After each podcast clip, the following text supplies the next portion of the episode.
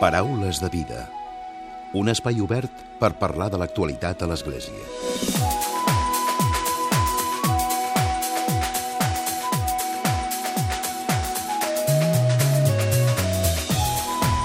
Què tal? Salutacions i molt bon dia, molt bon diumenge. Un grup de juristes format per membres de l'equip de Cristianisme i Justícia ha analitzat en un document les implicacions jurídiques i el propòsit legal del judici als líders independentistes que està tenint lloc al Tribunal Suprem.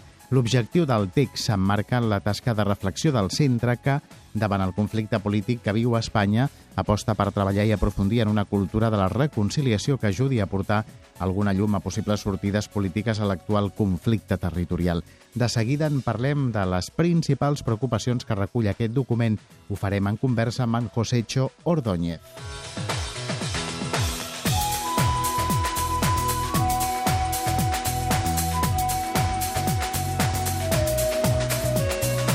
I avui també parlarem d'un curs el que organitza el monestir de Sant Pere de les Pueles de Barcelona sobre la construcció de la vida espiritual. Es farà el proper dissabte i anirà a càrrec de Ramon Maria Nogués. Ell és escolapí i catedràtic emèrit de la Unitat d'Antropologia Biològica a la Facultat de Ciències i a la de Ciències de l'Educació de la Universitat Autònoma. El títol d'aquest curs és Un cristianisme que s'acaba i un cristianisme que emergeix. En parlarem de seguida amb l'abadessa del monestir de Sant Pere de les Pueles de Barcelona amb Esperança a Terès.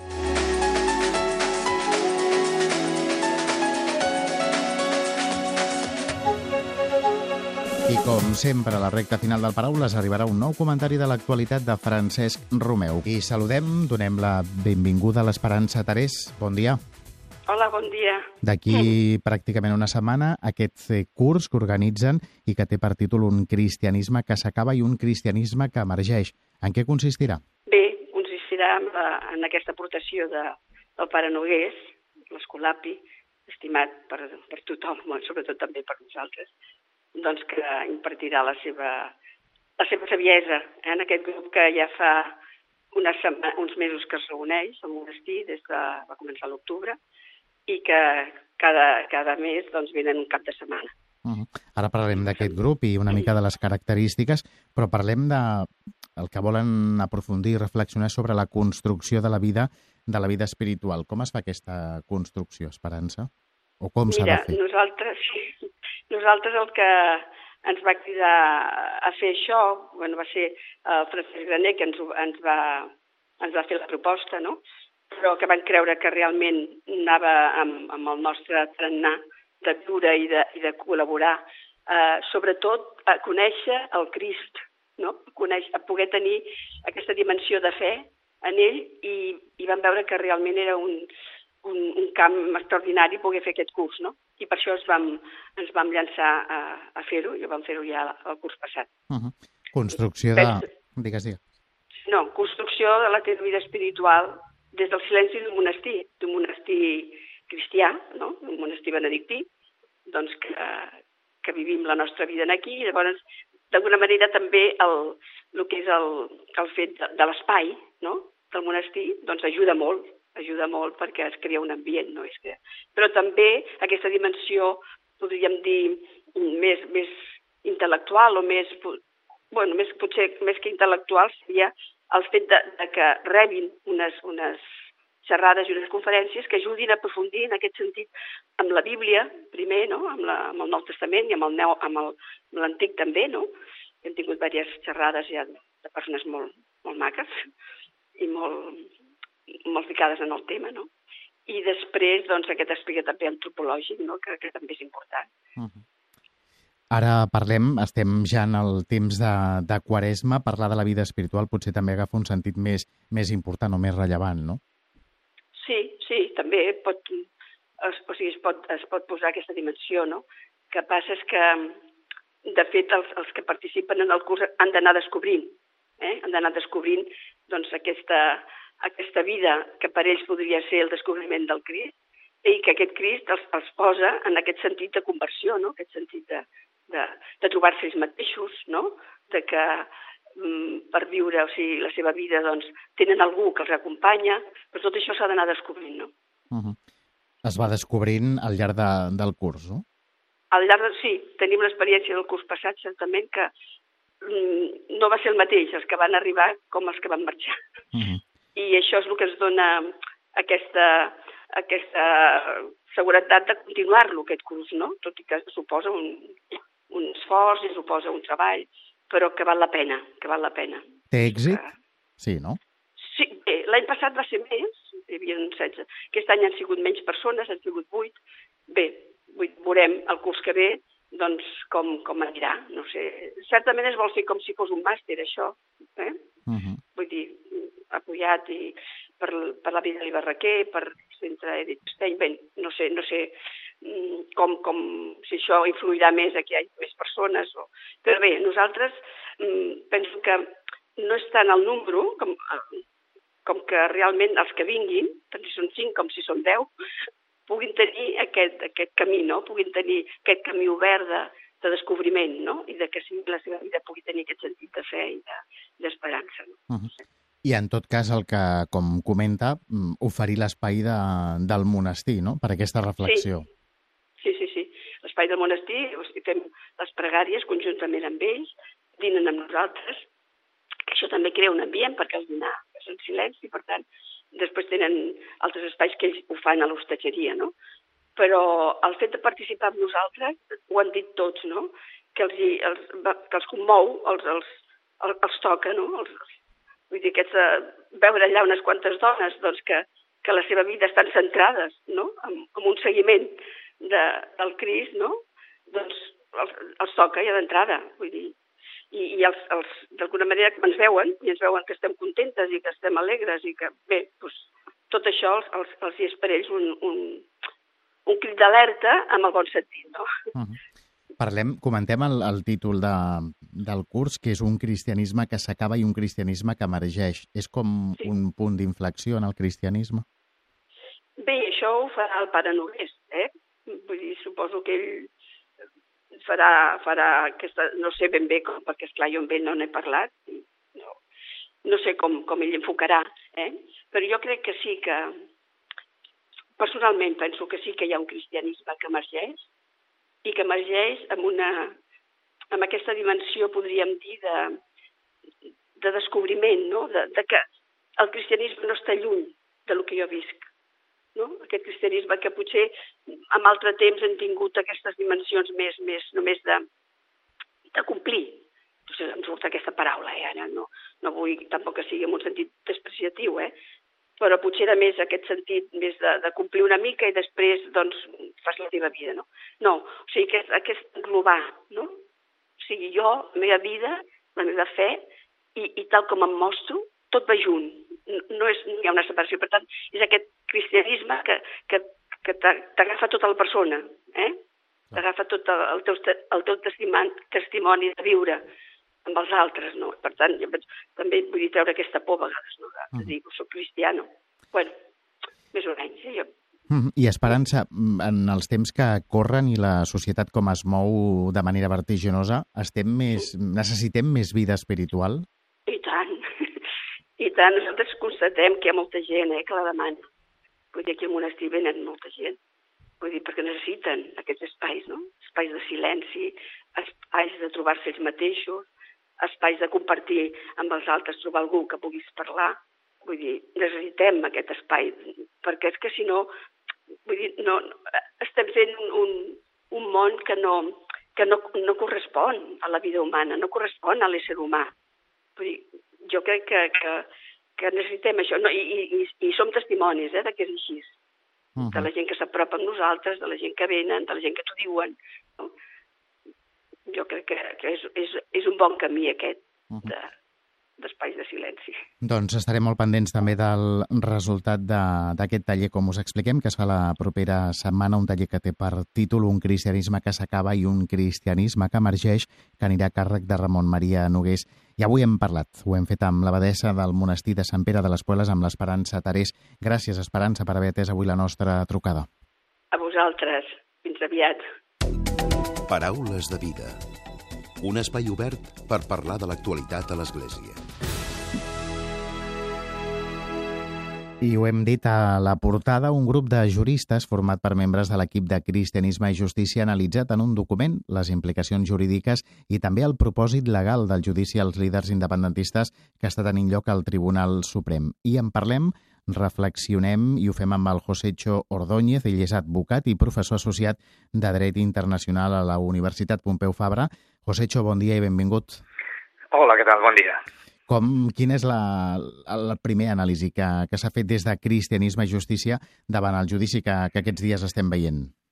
Bueno, en, en, en primer lloc, eh, el que, el, el que volíem, l'objectiu del, del nostre anàlisi, era eh, fer una mica un ajut a les persones que llegeixen i que segueixen el, el, el cristianisme i justícia per donar algunes eines d'interpretació i d'aclariment de, de, del, del, del procediment judicial, no? del, del judici oral que estem, estem seguint darrerament. No? I algunes claus d'anàlisi més jurídica per, per ajudar a entendre què està passant, no? més, més enllà de, del, del procediment eh, polític, no? de, dels esdeveniments polítics. Mm. Llavors, hem volgut això, eh, donar unes claus d'interpretació jurídica. Mm. Vosaltres el que feu són, és un qüestionament no? de, que observeu en, en tot el procés i també la justícia espanyola, no? Sí, sí. Ja, nosaltres el que posem una mica en, en, el, paper, en el paper no? és eh, tots els dubtes que ens genera eh, el procediment judicial no? i com s'ha arribat fins aquí des de la instrucció judicial en el Tribunal Suprem, i com no som els únics, sinó que hi ha molts altres eh, juristes que també tenen els seus dubtes. No? Intentem posar de manifest doncs, que no és una qüestió eh, totalment clara, no?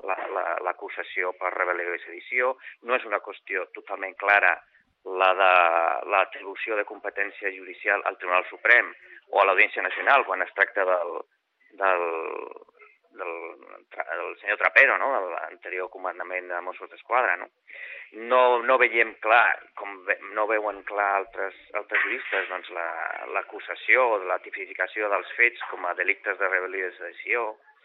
Nosaltres donem eh, arguments de, de caire jurídic per articular aquestes, aquests qüestionaments, no? I ho fem des de la de, de drets humans, que jo crec que també és, és característica de, de cristianisme i justícia, i eh, a partir d'aquí de, de, la pràctica de la pràctica judicial, no? de la pràctica judicial, nosaltres com a, com a advocats o com a juristes que, que estem en el, en el, a, a peu de, de jutjat, no?, també. Uh -huh. És a dir, que la, la perspectiva jurídica mm, se n'ha parlat i se n'està parlant molt prèviament i ara durant el judici, però també potser el component important i el que porta Cristianisme i Justícia és el de la vessant dels drets humans, no? Sí, sí, sí. Nosaltres, una dels, un dels qüestionaments de, de tots els esdeveniments d'instrucció és el, la qüestió de la presó provisional, no? Entenem que, que s'hauria d'haver fet un esforç més gran per donar resposta a la necessitat de que els acusats estiguessin eh, al, al, al Tribunal Suprem i poguessin estar presents durant el judici sense haver de eh, fer servir la, la mesura cautelar de presó provisional. No? Creiem que era una, és, és una mesura, com ho creuen altres juristes i ho fonamentem en el nostre escrit des d'una vessant legal i de principis de dret, que hi havia mesures menys gravoses i menys eh, eh, greus que afectessin menys la, la vida familiar i la, i la, la vida humana de, de la, dels acusats. Uh -huh. De fet, vosaltres feu també l'incís no? de, de que és el dret constitucional i no el penal el que s'ha de plantejar les finalitats a, a l'esfera política, no? Sí, sí, creiem que precisament l'ús de, de, de la resposta penal també hauria de ser més restrictiu aquest ús hauria de ser, com, a, com a diuen els, eh, els juristes, no? última ràtio, no? l'última raó de ser de la resposta col·lectiva davant d'uns fets que, que són més o menys greus, que poden ser unes infraccions més o menys greus.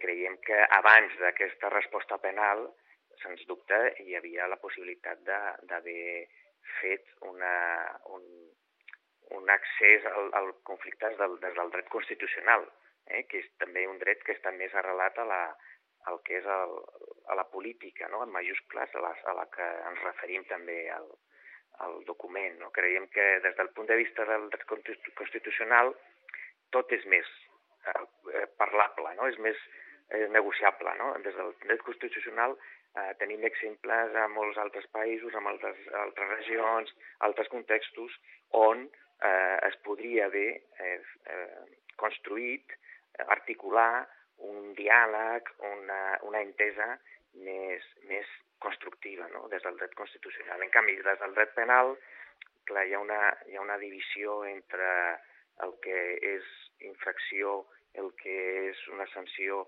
el que la gent que s'ha comportat bé, la gent que s'ha comportat malament, clar, és, és més maniqueu. No? El, el, el, la, perquè és així, perquè el dret penal és així, no, tenim, no hi ha més. No? Llavors, és una pena que, que la utilització de, del dret penal hagi estat tan, tan directa, no? que s'hagi recorregut tan, tan directament i tan fàcilment al dret penal quan creiem que des del dret, com de l'altres branques del dret, com el dret internacional o el dret eh, constitucional, es podria haver abordat la, la qüestió de la de l'articulació de Catalunya a Espanya i de la, de, de la celebració de convocatòria d'un referèndum, de la, qüestionar o no la, la unitat d'Espanya o el dret d'autodeterminació. Tot això. El fet de que ara es qüestioni la justícia espanyola davant d'aquesta situació eh, és un fet eh, inèdit a, a, a nivell europeu, Josécho? Mira, ja, ja a nivell de, de la, de les te, del teòrics de, del dret, no, també s'ha estudiat eh, a nivell de dret constitucional i a dret de filosofia del dret, a aquests nivells, eh, processos que no són nous a Espanya ni a Catalunya, que, que es parlen clarament de, del protagonisme polític dels tribunals de justícia. No? I són processos que s'han estudiat eh, a, a Europa, a països de, del centre i l'est d'Europa, a Llatinoamèrica, a Sud-àfrica, eh, bueno, que, que és on, on s'ha polititzat o s'ha polititzat la, la, la, la resposta judicial a, a, a alguns conflictes o s'ha judicialitzat la política. No? I llavors no, no, és, no és estrany, eh? no som els únics, eh, nosaltres els juristes de Cristian Justícia no és que estem inventant o conceptualitzant categories de, del no-res. No? Això està, està prou estudiat que sí, que eh, ja, ja des del, del, de la, dels anys 80-90 del segle XX hi ha hagut cada cop més un, aquest protagonisme. I no és un protagonisme que sigui dolent, no ha de ser necessàriament dolent o, o criticable en aquest sentit eh, pejoratiu, sinó que també eh, s'estudia aquest protagonisme polític dels tribunals en països on, on la democràcia és més feble, on països on la, la garantia dels drets eh, eh, des, de la, des de la vessant política és més precària i que els, els tribunals tenen precisament un protagonisme constructiu a l'hora de de garantir aquests drets. No? O sigui que no, no, no tenim una, una idea de que la politització de la, de la judicatura no sigui per ser eh, dolenta. No? Uh -huh. El que passa que en, en el nostre context eh, sí que creiem que en el, en el moment que el protagonisme polític que se li dona al Tribunal Suprem o a l'Audiència Nacional eh, té un caire de que s'estan eh, carregant les tintes sobre unes finalitats polítiques, no? uns fins de, de, de construcció d'un estat propi o de construcció d'una majoria que, que qüestioni la, pertinença de Catalunya a Espanya. Bueno, aquests són objectius polítics, no? finalitats, que, que d'alguna manera no, no han de ser eh, mirades des de l'òptica només eh, jurídico-penal. No? Uh -huh. Si ho fem així, està clarament...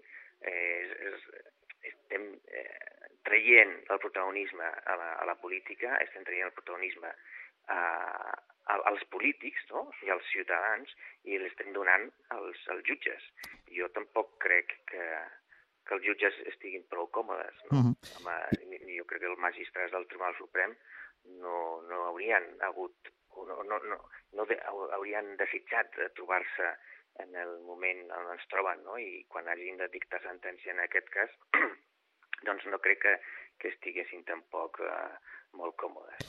I breument, en mig minut, José, jo sé que és molt, molt difícil contextualitzar-ho, però quina seria la situació més desitjable? La situació més desitjable seria, per una banda, ara que ja està el judici en marxa, és deixar que, que el judici es desenvolupi i que ho faci amb totes les garanties processals, que sigui molt escrupulós, que sigui molt acurat, que sigui exquisit el desenvolupament d'aquest judici i què passarà? De, haurà una sentència. De la sentència, en el sentit que sigui, no resoldrà el conflicte polític subjacent eh, que està plantejat. Per mm. què? Perquè la finalitat del dret penal no és resoldre conflictes polítics. No és aquesta. Llavors és, és il·lusori demanar una solució al Veurem. conflicte polític. Haurà no. de ser les, les eleccions o eh, la participació ciutadana a través de, de les eines democràtiques les que ajudin a resoldre la qüestió. Doncs estarem molt pendents. José Cho, gràcies avui per haver-nos acompanyat també. De res.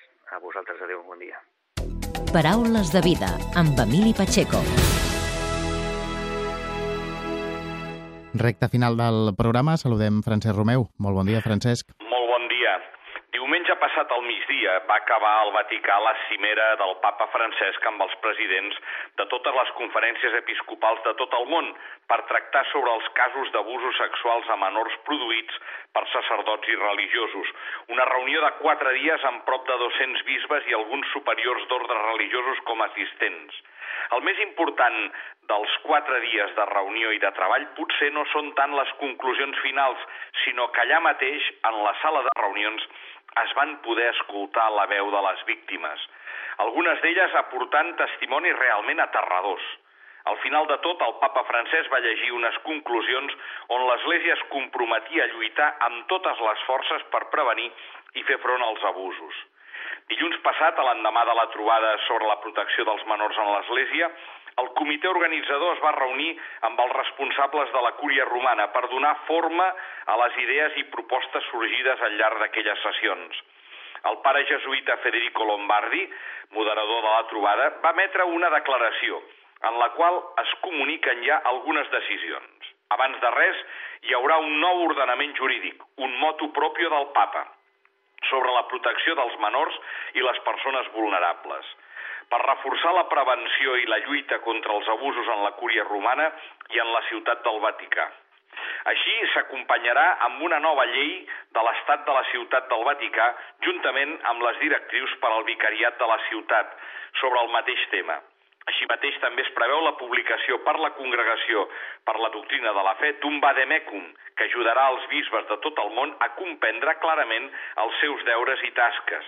Finalment, en l'esperit de comunió de l'Església Universal, el papa va expressar la seva intenció de fomentar la creació de grups de treball, de persones competents per ajudar a les conferències episcopals i a les diòcesis que tenen dificultats per abordar els problemes i aplicar les iniciatives de protecció dels menors. Queda ben clar, doncs, pel que hem pogut saber, que després d'aquesta gran cimera al Vaticà, ara el que cal fer és donar passos concrets cap a la protecció dels menors i, per tant, cal seguir lluitant i fent front al mal dels abusos dins l'Església. Així ho va demanar el papa Francesc en el seu discurs final de la trobada. El primer pas ja va ser donat aquest mateix dilluns 25 de febrer, com hem dit, durant aquesta reunió interdicasterial celebrada a la Sala Bologna del Palau Apostòlic, centrada en el tema de la lluita contra l'abús de menors. Segons va explicar el portaveu de la Santa Seu, Alessandro Gisotti, van participar en la reunió, a més d'alguns superiors de la Secretaria d'Estat i els caps dels dicasteris dedicats de manera especial a aquest tema, el comitè organitzador i el moderador de la trobada, el pare Federico Lombardi, que es va centrar en el desenvolupament, les primeres reaccions a la trobada i els passos a seguir. En primer lloc, i unànimament, es va destacar com n'era de necessària aquesta trobada, tan desitjada pel papa Francesc. A més, es va assenyalar que aquest esdeveniment han de seguir ara mesures concretes, tal com ho va demanar amb força el poble de Déu. En aquest context, es van il·lustrar els principis fonamentals que inspiren els documents i grups de treball anunciats en la roda de premsa de cluenda de la reunió. I es va afirmar que aquestes iniciatives s'han de comunicar de la manera més clara, oportuna i detallada possible. La necessitat d'escoltar les víctimes com a punt de partida és el compromís per la protecció dels menors. En les intervencions lliures dels caps dels dicasteris, que van reafirmar el seu propi compromís de seguir l'exemple del papa Francesc en la lluita contra els abusos, es va posar èmfasi en la necessitat d'escoltar les víctimes com a punt de partida d'aquest compromís. Altres punts que es van subratllar són el major compromís dels laics en aquest tema i la necessitat d'invertir en la formació i la prevenció, servint-se de realitats amb una experiència consolidada en aquest camp. Finalment es va assenyalar que és oportú verificar amb reunions a nivell interdicasterial el progrés d'aquest camí sota el signe de la sinodalitat i també de la sinergia. Molt bon diumenge a tothom!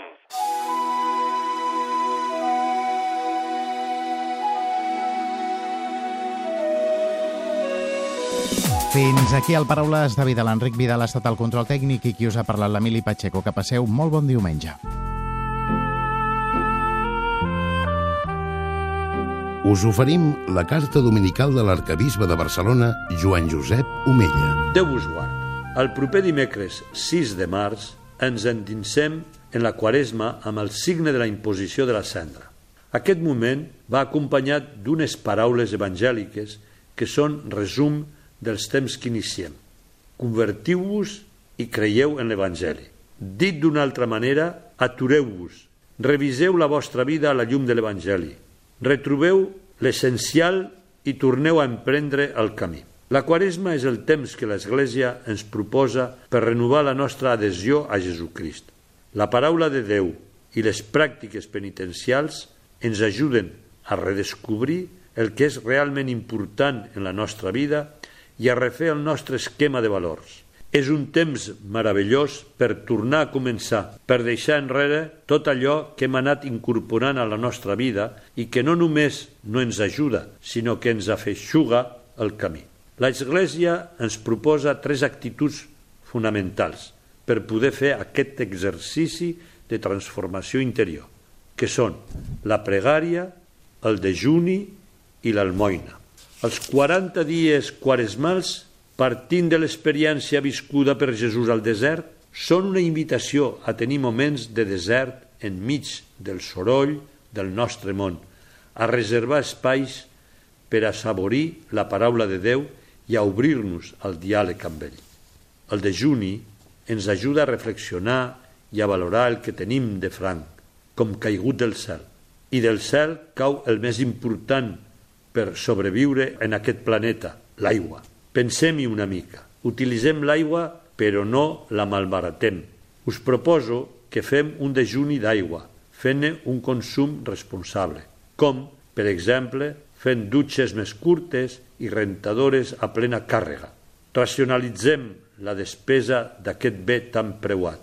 També us animo a racionalitzar els conflictes entre germans. Fem que aquest any sigui un veritable temps de fraternitat. Fem de juni de lluites innecessàries que ens omplen de rancor i ens deixen buits. En aquest sentit, el papa Francesc deia ara fa uns dies a Abu Dhabi per preservar la humanitat de la destrucció, Déu demana a Noé que entri a l'arca amb la seva família. També avui, per salvaguardar la pau, necessitem entrar junts com una mateixa família en un arca que pugui navegar pels mars tempestuosos del món, l'arca de la fraternitat. Fins aquí el papa Francesc. Incorporem també l'almoina a la nostra vida, com a actitud que ens apropa a Jesucrist. Siguem generosos amb els nostres germans més pobres. Convé que estiguem amatents a tantes persones que necessiten ser ateses materialment i espiritualment. El temps de Quaresma és un camí vers la Pasqua que passa per la passió i la creu. En aquest temps de preparació us convido a créixer cristianament. Què vol dir això? Bàsicament, significa renunciar a un mateix i a obrir-se a l'amor. Renunciar a un mateix per viure, entregar-se per retrobar-se, empobrir-se per enriquir-se. Encara que sembli una paradoxa, aquest és el camí de la vida, de la joia i de la veritable felicitat. Benvolguts germans, que la quaresma d'aquest any sigui un temps de gràcia especial per a tots nosaltres. Us hem ofert la carta dominical de l'arcabisbe de Barcelona, Joan Josep Omella.